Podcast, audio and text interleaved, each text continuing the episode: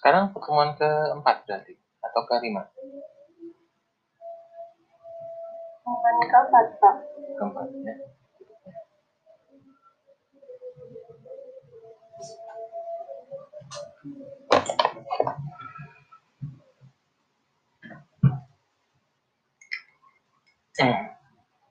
Oke, kita cepat aja ya. Uh, kalian udah bisa kan download semua materi PUP-nya? Ada semua ini kan? Kalian punya semua ini nggak? Hmm. Ada, Pak. Ada ya? ya, sekarang kalau kita masuk ke pertemuan keempat, ya sekarang kita bicara mengenai uh, risiko utang pemerintah. Ya. Nah, utang itu ada dalam negeri, ada luar negeri ya. Nah, ini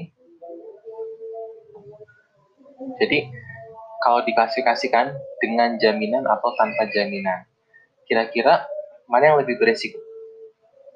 Dengan jaminan atau tanpa jaminan? Hmm. Jawabannya mana? Hmm. Tanpa, Tanpa, ya. Berarti kalau pemerintah utang tanpa jaminan, maka bunganya itu lebih besar lebih kecil. Bunga lebih kecil. Bisa. Jadi ada prinsip namanya oh, iya. high risk high return. High Jadi kalau risikonya gede, maka investor akan minta return yang besar, besar juga seperti itu. Ya. Dari segi kemauan pemberi utang itu ada sukarela, ada paksa ya. Uh, mungkin paksa istilahnya oh, bukan kepokso gitu ya, tapi uh, ada namanya itu contingent loan atau oh, sorry mas concessional loan concessional konsesional itu artinya utang jangka panjang, bunganya rendah atau bunganya nol. Dan itu Bapak yang ngasih kayak gitu tuh di eranya Pak Harto. Ya, jadi kita dulu sering minjem ke World Bank IMF dengan skema konsesional Dulu, eh, kenapa Indonesia bisa mengakses konsesional aset? Nanti kita aja ya. Eh, ada gambarnya nggak ya?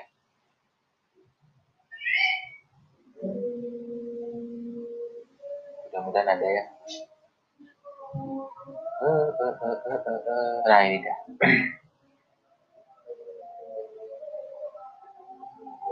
ya. Jadi World Bank itu dia punya uh, World Bank itu kayak induk perusahaan. Dia punya beberapa anak perusahaan. Nah anak yang paling kiri itu namanya IBRD International Bank of Reconstruction and Development. Nah jadi waktu perang dunia kedua itu kan Eropa hancur. Nah, maka setelah perang dunia kedua selesai, mereka negara-negara sepakat membentuk suatu lembaga untuk membangun membangun negara-negara yang hancur karena perang dunia kedua. Siapa yang bertugas? World Bank. Dalam hal ini adalah IBRD. Yang kedua adalah IDA, International Development Association. Nah, IDA ini dia tugasnya memberikan pinjaman atau bantuan ke negara-negara miskin dari yang paling miskin gitu ya jadi poor of the poorest jadi uh, kayak negara-negara Afrika Selatan bukan Afrika Selatan itu udah maju ya tapi negara-negara di Afrika Tengah ya ya Somalia ya terus Ethiopia yang gitu gitulah termasuk Indonesia dulu nah, ya. Jadi dulu waktu Indonesia di eranya Pak Harto kita dianggap negara miskin atau low income countries. Makanya kita masih bisa mengakses yang namanya IDA. Nah, skema pinjaman yang diberikan, skema utang yang diberikan oleh IDA itu sebagian besar, atau mungkin saya katakan seluruhnya itu concessional. Concessional itu jangka panjangnya 30 tahun, 40 tahun, jatuh temponya, bunganya 0, 0% atau paling gede-gede cuma 0,3%. Jadi kecil sekali. Ya. Nah, di era SBY, ketika Indonesia masuk ke investment grade, ketika Indonesia sudah sekarang sudah uh, middle income country, sekarang Indonesia sudah bukan lagi low income ya, sekarang Indonesia sudah masuk middle income countries, salah satunya ditandai dengan masuknya Indonesia sebagai anggota G20, maka Indonesia tidak lagi bisa mengakses utang yang sifatnya konstitusional. Jadi Indonesia udah nggak bisa lagi pinjam ke IDA. Nah, jadi Indonesia bisa minjem ke yang tiga terakhir, IFC, International Finance Corporation atau MIG atau uh, lembaga penjaminnya. Seperti itu. Ya kembali ke slide. Ya, jadi kemauan pemberi utang dia bisa sukarela ya bisa paksa artinya dia bisa konstitusional ya misalnya sudahlah ya dan sumber utangnya bisa dalam atau negeri. Ya. Ini lihat ya tadi yang saya cerita uh, sebelum tahun 98 eranya Pak Harto sebelum dia lengser reformasi uh, utang Indonesia itu hanya utang luar negeri. Ya kita yang luar negeri terus. Gitu ya. Dan itu resikonya tinggi. Banyak udang dibeli bakwan lah seperti itu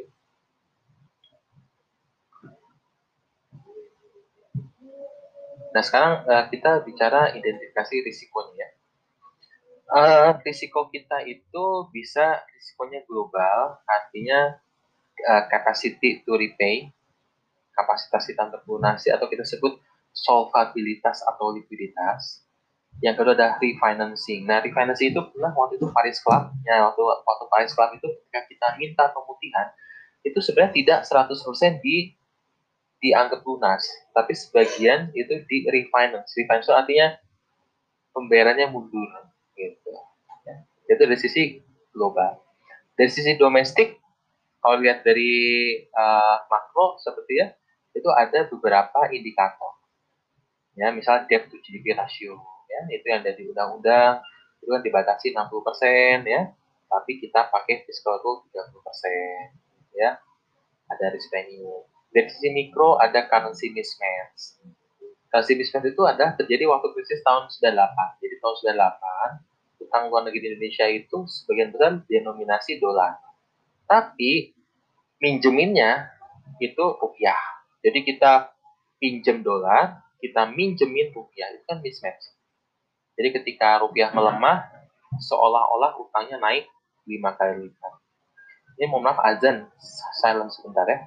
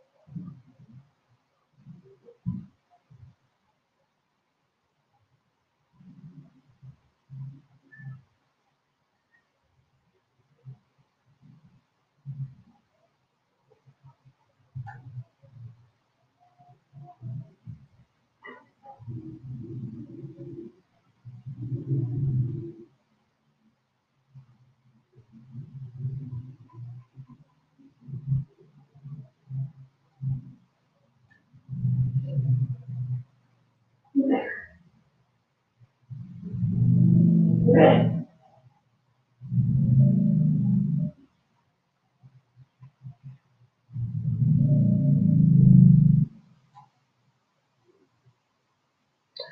uh, makasih sudah azan sudah selesai. Uh, masih bisa dengar suara saya, Dede sekalian? Bisa, bisa, bisa ya. Uh, nah, dalam uh, mengelola risikonya, maka pemerintah itu bisa melakukan yang namanya debt switch. Jadi bisa saja utangnya ditukar, utang ditukar dengan utang, utang ditukar dengan obligasi, obligasi ditukar dengan SBN, SBN ditukar dengan sukuk dan lain-lain ya. Jadi ah, misalnya utang luar negeri dia ditukar dengan utang dalam negeri ya. Jadi kita bisa melakukan debt switch. Itu salah satu strategi. Kenapa? Karena kalau kita punya utang luar negeri itu pasti lebih beresiko kita utang dalam negeri. Caranya gimana?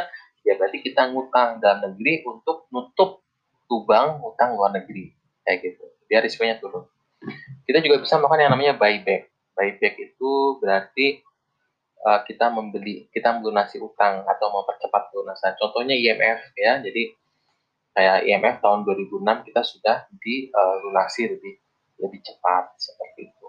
Ya ada beberapa faktor kenapa kita ingin bisa dipercepat. Salah satunya adalah ketika kita melunasi IMF lebih awal, maka Indonesia tidak lagi punya kewajiban untuk lapor. Ya, artikel for, for consultation itu satu. Yang kedua adalah ketika kita melunasi lebih cepat, Indonesia bisa mengakses special drawing right. Jadi kalau Indonesia lagi krisis kayak sekarang, Indonesia bisa pinjam ke IMF.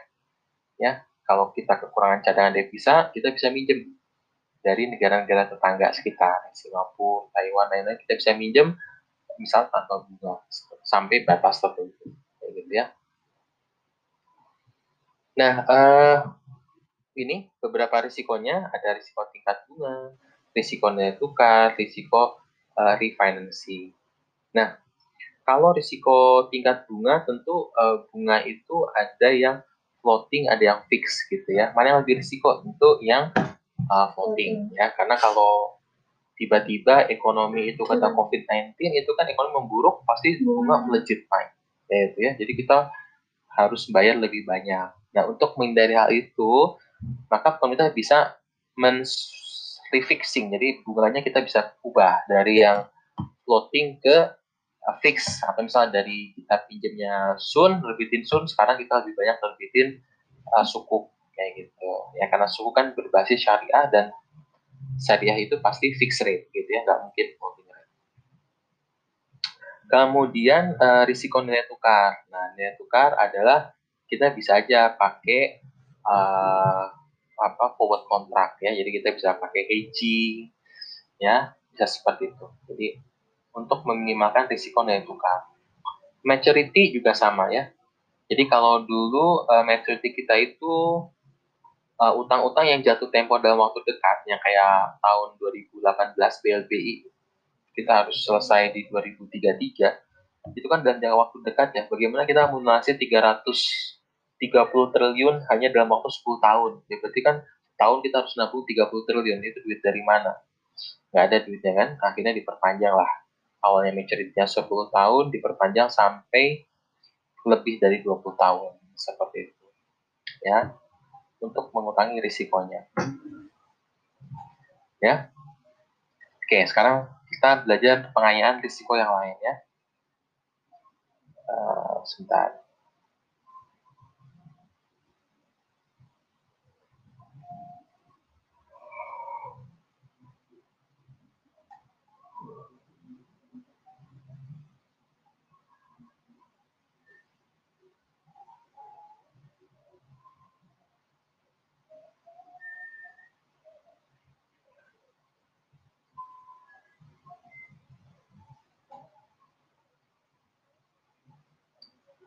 Oke, uh, jadi pada intinya adalah ketika kita bicara manajemen risiko, maka ada tiga pendekatan ya.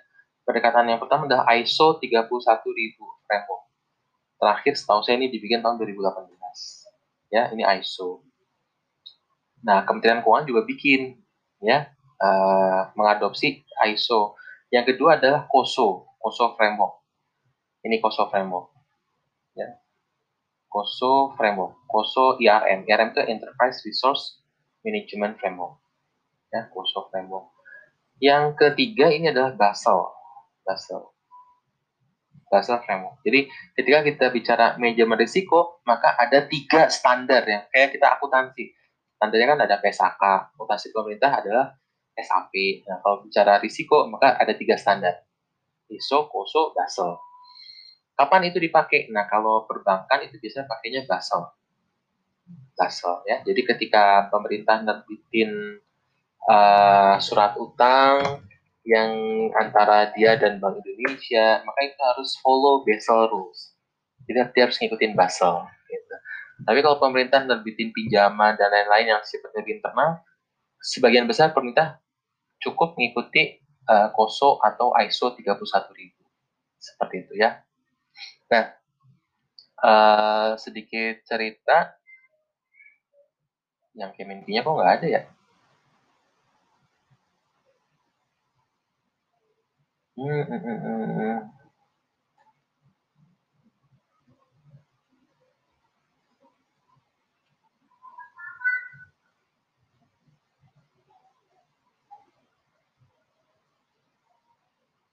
Wah, nggak ada. Kita lihat PMK-nya aja. Oh, saya ada di sini.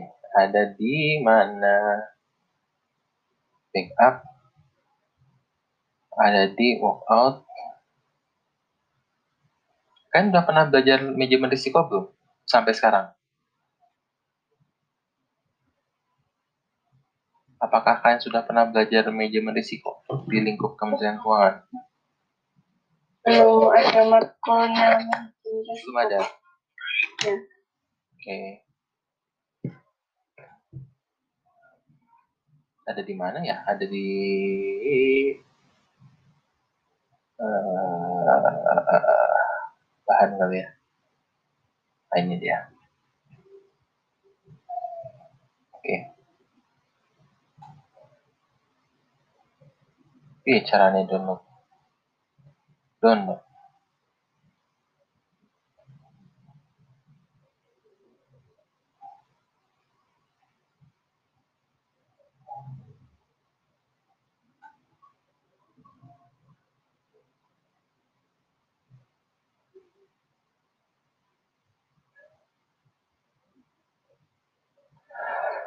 Nah, uh, ini aturannya udah diubah ya, jadi PMK kalau nggak salah 109 yang paling baru ya, tapi ini adalah manajemen risiko yang dipakai di Kementerian Keuangan. Pada intinya adalah risiko itu adalah mana ya? Saya cepat aja ya.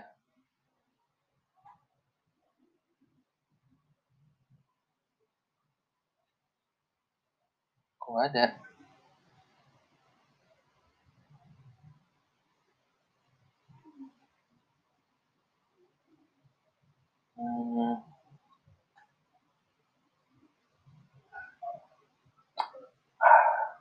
Udah langsung aja lah, saya cerita aja ya.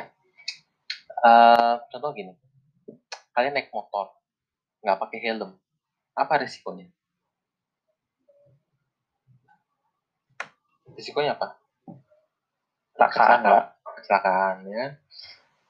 Berarti kecelakaan itu kan uh, apa namanya kejadiannya ya present time-nya ya kecelakaan. Jadi peristiwanya itu disebut risiko juga. Apa akibatnya? Kalau akibat kecelakaan apa misalnya? Patah kaki atau luka-luka ya masuk rumah sakit ya itu berarti dampaknya. Maka dampak pun disebut risiko. Ya nah terus risiko juga ada kemungkinannya Ya, jadi uh, misalnya kalian nggak pakai jaket, risikonya masuk angin. Nggak pakai helm, risikonya kepala pecah. Nggak pakai sendal, sepat apa kakinya baret-baret. Gitu. Jadi kemungkinannya beda-beda.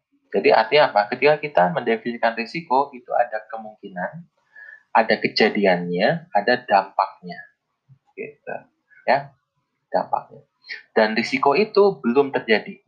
Kalau sudah terjadi, uh, itu bukan lagi risiko, namanya itu namanya kejadian. Nah, uh, ke kemudian risiko itu diklasifikasikan ya seperti ini.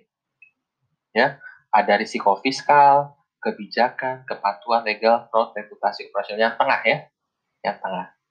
Nah sekarang kalau bicara dalam konteks uh, pengelolaan utang ya, maka risikonya yang nomor berapa?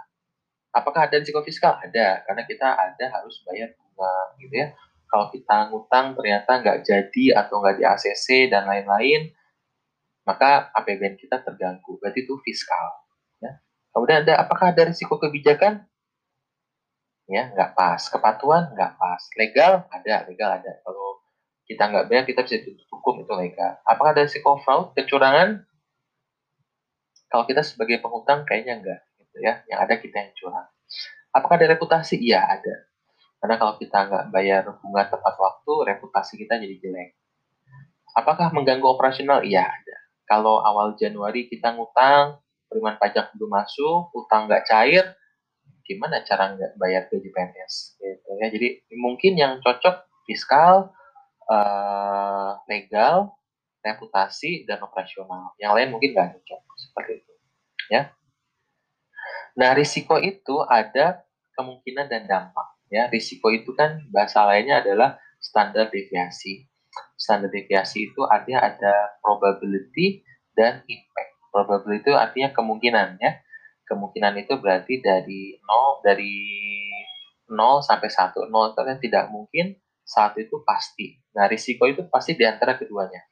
Nah, ini ada beberapa kriterianya. Jadi kalau misalnya uh, risiko kita nggak bayar uh, bunga utang gagal membayar bunga kayak kemarin waktu dikritik Prabowo utang kita 9 ribu triliun kan sempat Indonesia nggak bisa bayar utang atau kayak Jiwasraya lah kemarin Jiwasraya nggak bisa bayar klaim Asabi nggak bisa bayar klaim uh, pensiunan tentara kayak gitu ya Nah itu dilihat setahun berapa kali tuh kejadiannya. Nah kalau kejadian kurang dari dua kali dalam satu tahun maka bisa dikatakan sangat jarang ya atau kemungkinannya 5% atau probabilitasnya 5%. Ya. Kemudian nanti akan dikaitkan dengan dampak. Ya, dampak. Nah, dampak itu ada berapa kali klasifikasi ya, apakah beban keuangan negara, reputasi disesuaikan dengan kategori risiko yang tadi yang fiskal, reputasi, uh, kepatuhan dan lain-lain ya di situ. Nah ini dampaknya.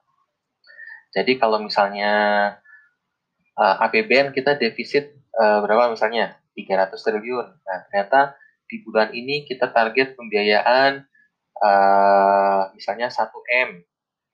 Ternyata yang tidak tercapai 90 juta. Oh 90 juta itu berarti kurang dari 100 juta. Nah di antara sini ya berarti levelnya itu level uh, 4 seperti itu. Kalau di level uh, Kementerian Keuangan seperti itu. Jadi di level Kementerian berarti di level Bu Sri Mulyani apa Kementerian Keuangan secara keseluruhan. Kalau eselon 1 ini berarti level BPPK, DJP, PC gitu ya, di level dirjen lah gitu ya. Eselon 2 ini berarti level stan gitu ya. Jadi kalau stan misalnya ada penyelewengan uang 9 juta, oh berarti di level stand berarti eselon 2 nah berarti dampaknya sangat signifikan kemudian dari kemungkinan dampak itu akan dibikin sebuah matrik. Nah matrik ini diadopsi dari Kosovo framework nah jadi tadi kan kemungkinannya diurutin 1 sampai 5 dampaknya juga sama 1 sampai 5 nanti ada di, di skor scoringnya ada yang warna biru, merah, kuning, hijau gitu ya. Yang mana yang ditangani? Yang ditangani adalah yang nomornya paling gede ya. Yang ini nih yang kanan 25 24 23 gitu. Jadi ketika kita memetakan risiko kemudian kita plot dan oh dan ternyata dia simbolnya warna merah maka dia harus ditangani terlebih dahulu ya. Jadi nanti ada ada urutan penanganan risiko ya kemudian nah ini. Ya ini evaluasi risikonya. Jadi diurutin nih. Ya.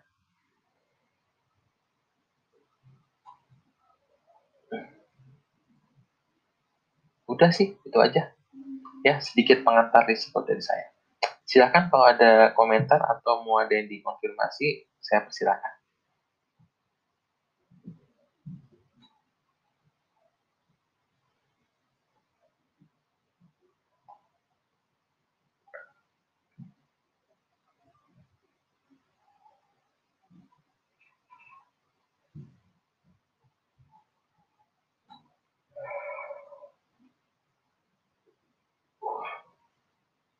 Ah, mohon maaf ya, baru ngajar dari pagi ngajarnya. Di setengah 8. Silakan kalau ada yang mau bertanya.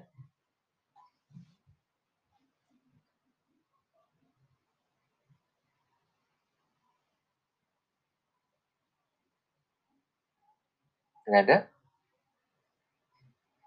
Pak, izin bertanya.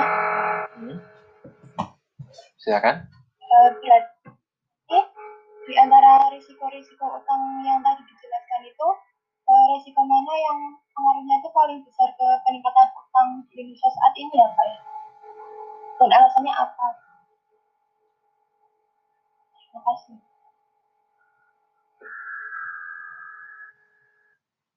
Oke. Gimana ya? Gimana cara jawabnya? Oke, kita buka slide yang ini. Slide yang sebelumnya. Mana ya? Oh, ada.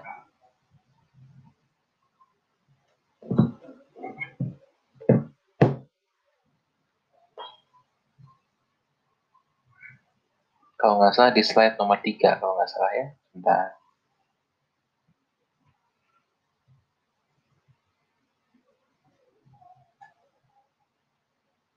Nah, ini dia. Kalau kamu lihat di sini ya, sebagian besar utang kita itu dibiayai dari pinjaman atau dari suatu utang.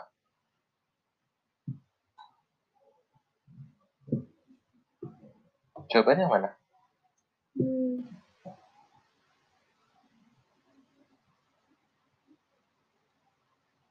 Halo? Maaf Pak, Pak. apa Pak? Oke, oke. Ya udah di, di mute aja. Suaranya berisik. Ya, jelasin aja ya. Uh, kalau kalian lihat uh, gambar di depan, kebutuhan bulanan kita kan 1.600 triliun di tengah COVID-19 itu ya. 1.497-nya ini mana ininya ya? Oh, saya belum share screen, astagfirullahaladzim. Mohon maaf, saudara-saudara. Ya. Nih, kebutuhan pembiayaan kita 1.600 triliun. Sebagian besar dibiayai dari SBN. Permintaan SBN. Ya. Jadi, kalau kamu tanya mana risiko yang lebih dominan, berarti risiko yang terkait dengan SBN. Nah, coba sekarang kita pikir-pikir ketika kita nerbitin SBN, risiko apa sih yang muncul? Pasti pembayaran bunga. Ya, jadi yang pasti pertama bunga. Satu.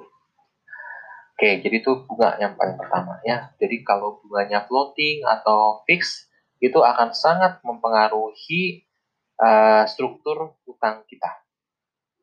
Yang kedua, uh, coba perhatikan dari 1.400 triliun ini ya itu domestiknya 1.300, falasnya 159. Artinya, lebih banyak penerbitan surat berharga denominasi rupiah. Seperti itu. Artinya apa? Pemerintah mencoba meminimalisir risiko nilai tukar. Nah, ya, kan? dulu memang besar nilai tukarnya karena kita nerbit obligasi jualnya luar negeri. Sekarang di switch itu. Jadi uh, sekarang obligasi domestiknya SBN domestik itu lebih di diperbanyak seperti itu. Ya, kamu risiko apa yang paling besar adalah pembayaran bunga. Ya, bunga. Nah ini yang menarik adalah ketika Indonesia membayar pokok hutang itu masuk ke pengeluaran pembiayaan. Tapi ketika membayar bunga itu masuk kategori belanja ya. Kalau kalian lihat struktur APBN, penerimaan, kurangi belanja, pembiayaan kan ya. Nah, kalau bayar bunga itu masuk kategori belanja. Ya. Tapi kalau kita membayar pokoknya itu masuk kategori pembiayaan, pengeluaran pembiayaan. Seperti itu. Ya, Kang? Silakan tidak harus bertanya ya. Kalian juga bisa komentar atau memberikan masukan terkait hal ini.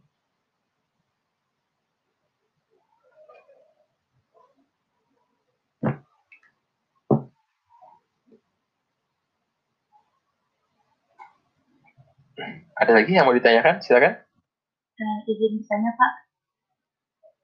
Saya Rosalken 24. Uh, mengenai yang standar Basel, ISO dan COSO itu Pak, apakah itu ini tahun 2016. Ya, ini profilnya. Kira-kira kalau lihat profil ini bagus atau jeleknya?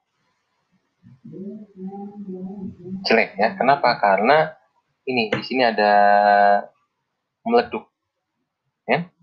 Ini juga sama nih lumayan gede ini ada ada beberapa. Jadi nggak smooth. Jadi harusnya uh, angkanya itu harusnya smooth seperti ini.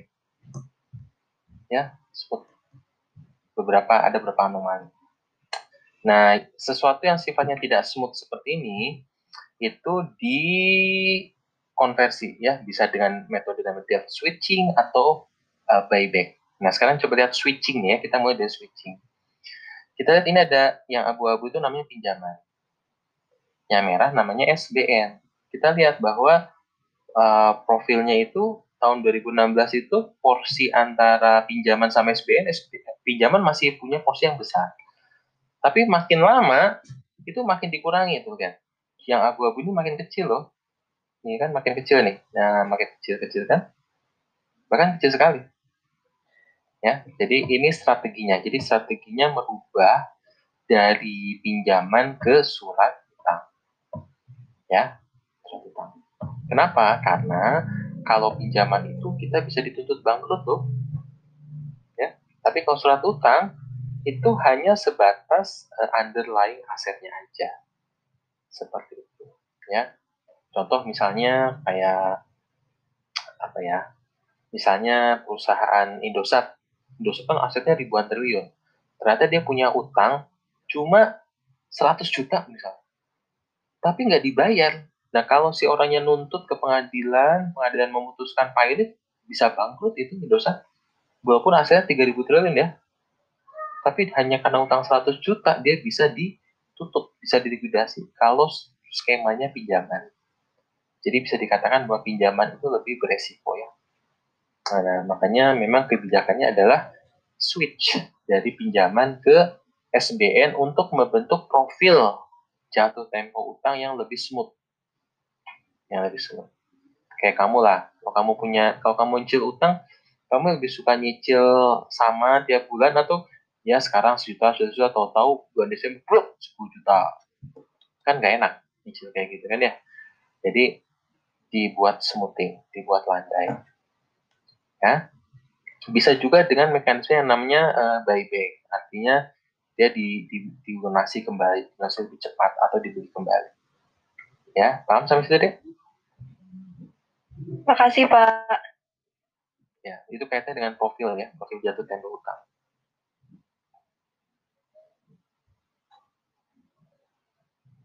Tanya, Pak. Ya. Uh, kalau ini kan apa, misal belanja yang besar kan uh, diimbangi sama penerimaan yang besar juga ya, Pak. Kalau misal melakukan pinjaman kan berarti uh, ada penerimaan yang besar. Nah itu kan berarti rencana buat belanja yang besar juga. Nah sebenarnya itu uh, melakukan pinjaman utang itu sudah ditentukan terlebih dahulu atau belum pak? Uh, ini nanti deadline buat apa gitu? Atau hmm. Uh, secara yang penting itu ada dananya segini gitu. Nanti urusan buat apa nanti urusan nanti itu. Terima kasih mbak. Yang pertama gini, ketika kamu bikin APBN, kapan APBN itu ditetapkan? Bulan apa? Bulan? Bulan? Bulan Oktoberan ya?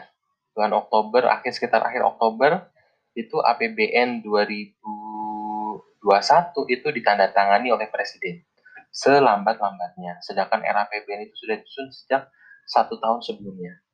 Jadi kalau kamu tanya utang itu mendadak, ujuk-ujuk atau sudah direncanakan, maka jawabannya apa?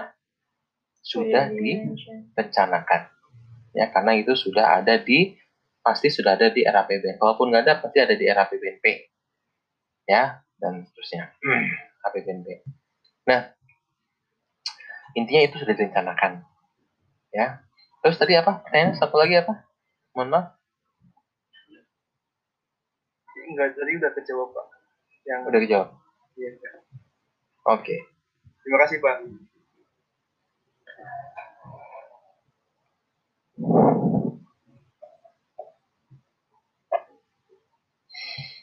aduh rasanya maaf ya capek banget hari ini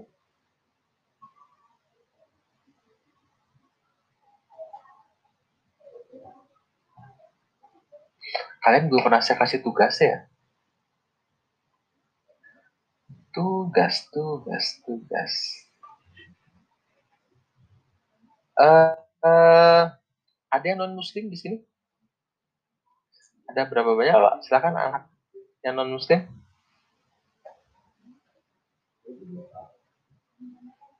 Saya Oke ya, oke saya minta tolong yang yang non muslim ya.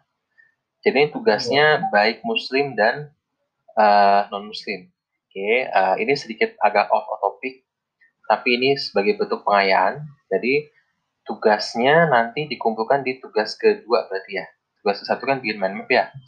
Tugas keduanya adalah tolong kaji uh, bunga atau riba dari agama kalian. Jadi kalau yang muslim udah pasti riba nggak boleh ya, maka tolong dikaji seperti apa. Ya, boleh nggak sih pemerintah nerbitin utang dengan bunga itu kan riba kayak gitu. Jadi tolong dikaji penerbitan uh, utang pemerintah dari sudut pandang agama. Ya, kalau yang muslim ya berarti Islam gitu ya. Kalau yang Nasrani atau Protestan silakan dengan pendapatnya masing-masing. Kalau ada yang Hindu, Buddha juga silahkan. Saya pengen tahu pendapatnya seperti apa. Ya, kita lihat uh, apakah uh, agama itu sejalan dengan uh, kebijakan pemerintah seperti itu. Ya, uh, deadline kapan nih? Mau kapan? Hari Senin bisa?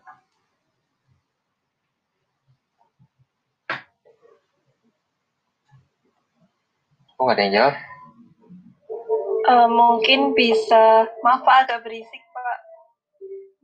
Mungkin bisa minggu depan sebelum pertemuan ini Pak. Oke, hari... Sebelum pertemuan sesuai jadwalnya. Hari Rabu tanggal 28 tidak? Iya Pak, oh iya Pak, minggu depan itu juga hari Rabu itu waktu tanggal merah Pak. Oke, ya sudah, uh, berarti dikumpulkan sebelum tanggal 28 gitu aja ya kita sepakat di situ cuma selembar saya minta tolong ya ini benar-benar saya minta tolong sama kalian. Tolong jangan copy paste. Ya saya benar-benar minta tolong pendapat kalian. Walaupun pendapat kalian cupu atau pendapatnya tidak matang atau apa it's okay nggak masalah. Cuma saya minta originalitas. Kalau tidak originalitas copy paste bisa mendeteksi ya.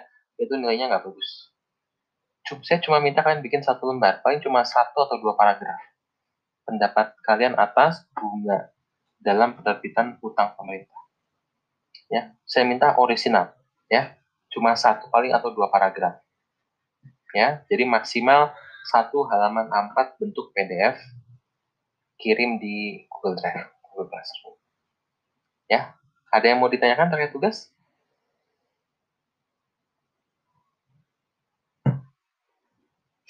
Nggak ada? Izin bertanya, Pak. Ya, monggo. Uh, terkait tugas, tadi kan Bapak bilang itu uh, berdasarkan originalitas dari uh, pendapat kita sendiri. Kalau misalkan kita mencantumkan sumber gitu gimana Pak? Boleh, boleh, nggak apa-apa. Jadi misal, misalnya menurut hadis Imam Bukhari, ya nomor berapa misal bunga ada gini-gini gitu, itu sejalan dengan pendapat saya gini-gini-gini gitu. Atau saya tidak sepakat karena Imam Bukhari itu misalnya merujuk kepada personal, padahal ini kan negara. Dua zaman Rasulullah negara juga pernah berhutang kayak gini gitu loh. Jadi kalian boleh berpendapat ya, dan saya minta pendapatnya yang original ya. Oke? Okay? Oke, okay, baik Pak. Oke. Okay. Kalau yang Kristen saya nggak paham ya, karena saya belum pernah baca. Mudah-mudahan itu ada di referensi kalian. Kalau yang di misalnya di Weda atau di mana kan ada cerita uh, apa gitu ya bisa nanti kan bisa analogikan oh dulu negara ini kerajaan ini pernah berhutang ke ini dan dia mengembalikan ini plus ini gitu nah pengembalian yang lebih besar dari rokok itu bisa dianggap sebagai imbalan bunga dan itu merupakan bentuk kebajikan dan lain-lain gitu. silakan boleh ya pendapat oke ada lagi pertanyaan terkait tugas Nggak ada? Oke, kalau nggak ada, kita bisa cukup sekian. Uh, terima kasih sudah meluangkan waktu untuk belajar. Saya cukup. Selamat siang. Wassalamualaikum warahmatullahi wabarakatuh. Waalaikumsalam. Waalaikumsalam. Terima kasih, Pak. Terima kasih, Pak. Terima kasih, Pak. Terima kasih, Pak. Oke, makasih ya semuanya.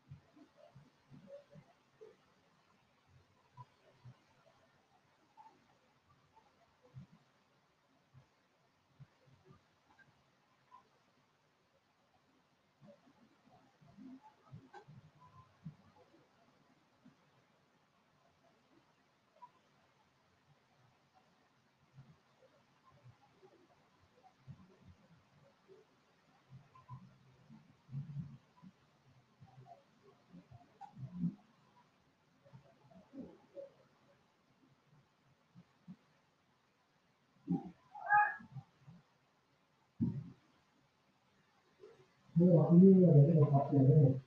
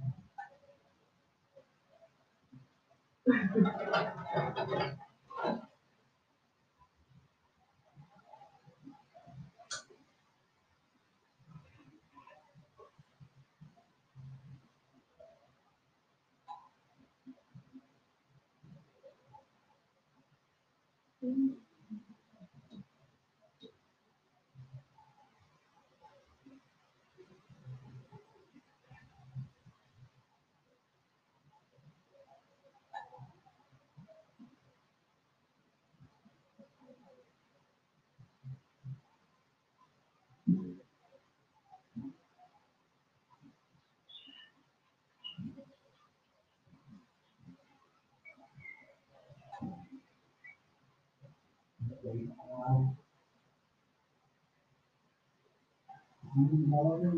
you.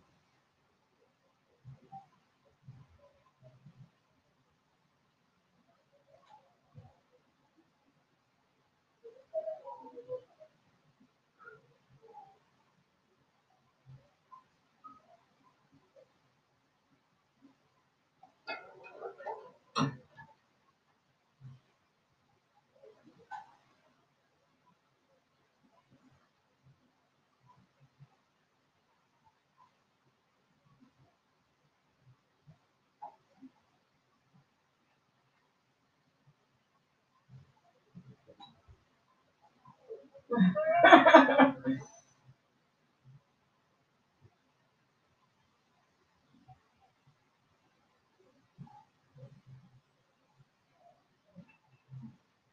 ha ha.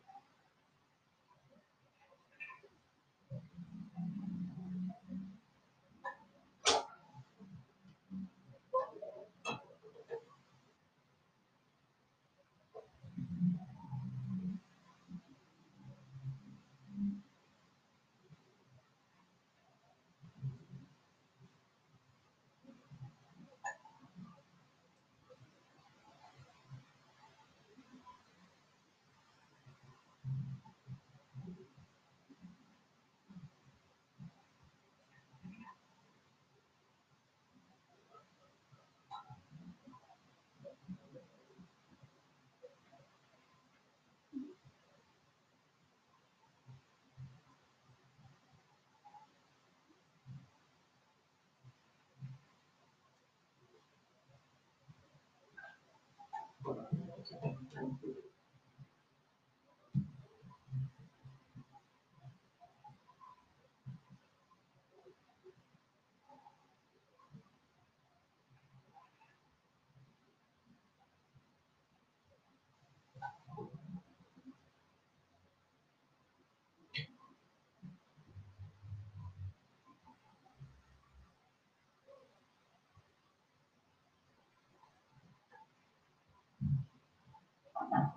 Mm-hmm.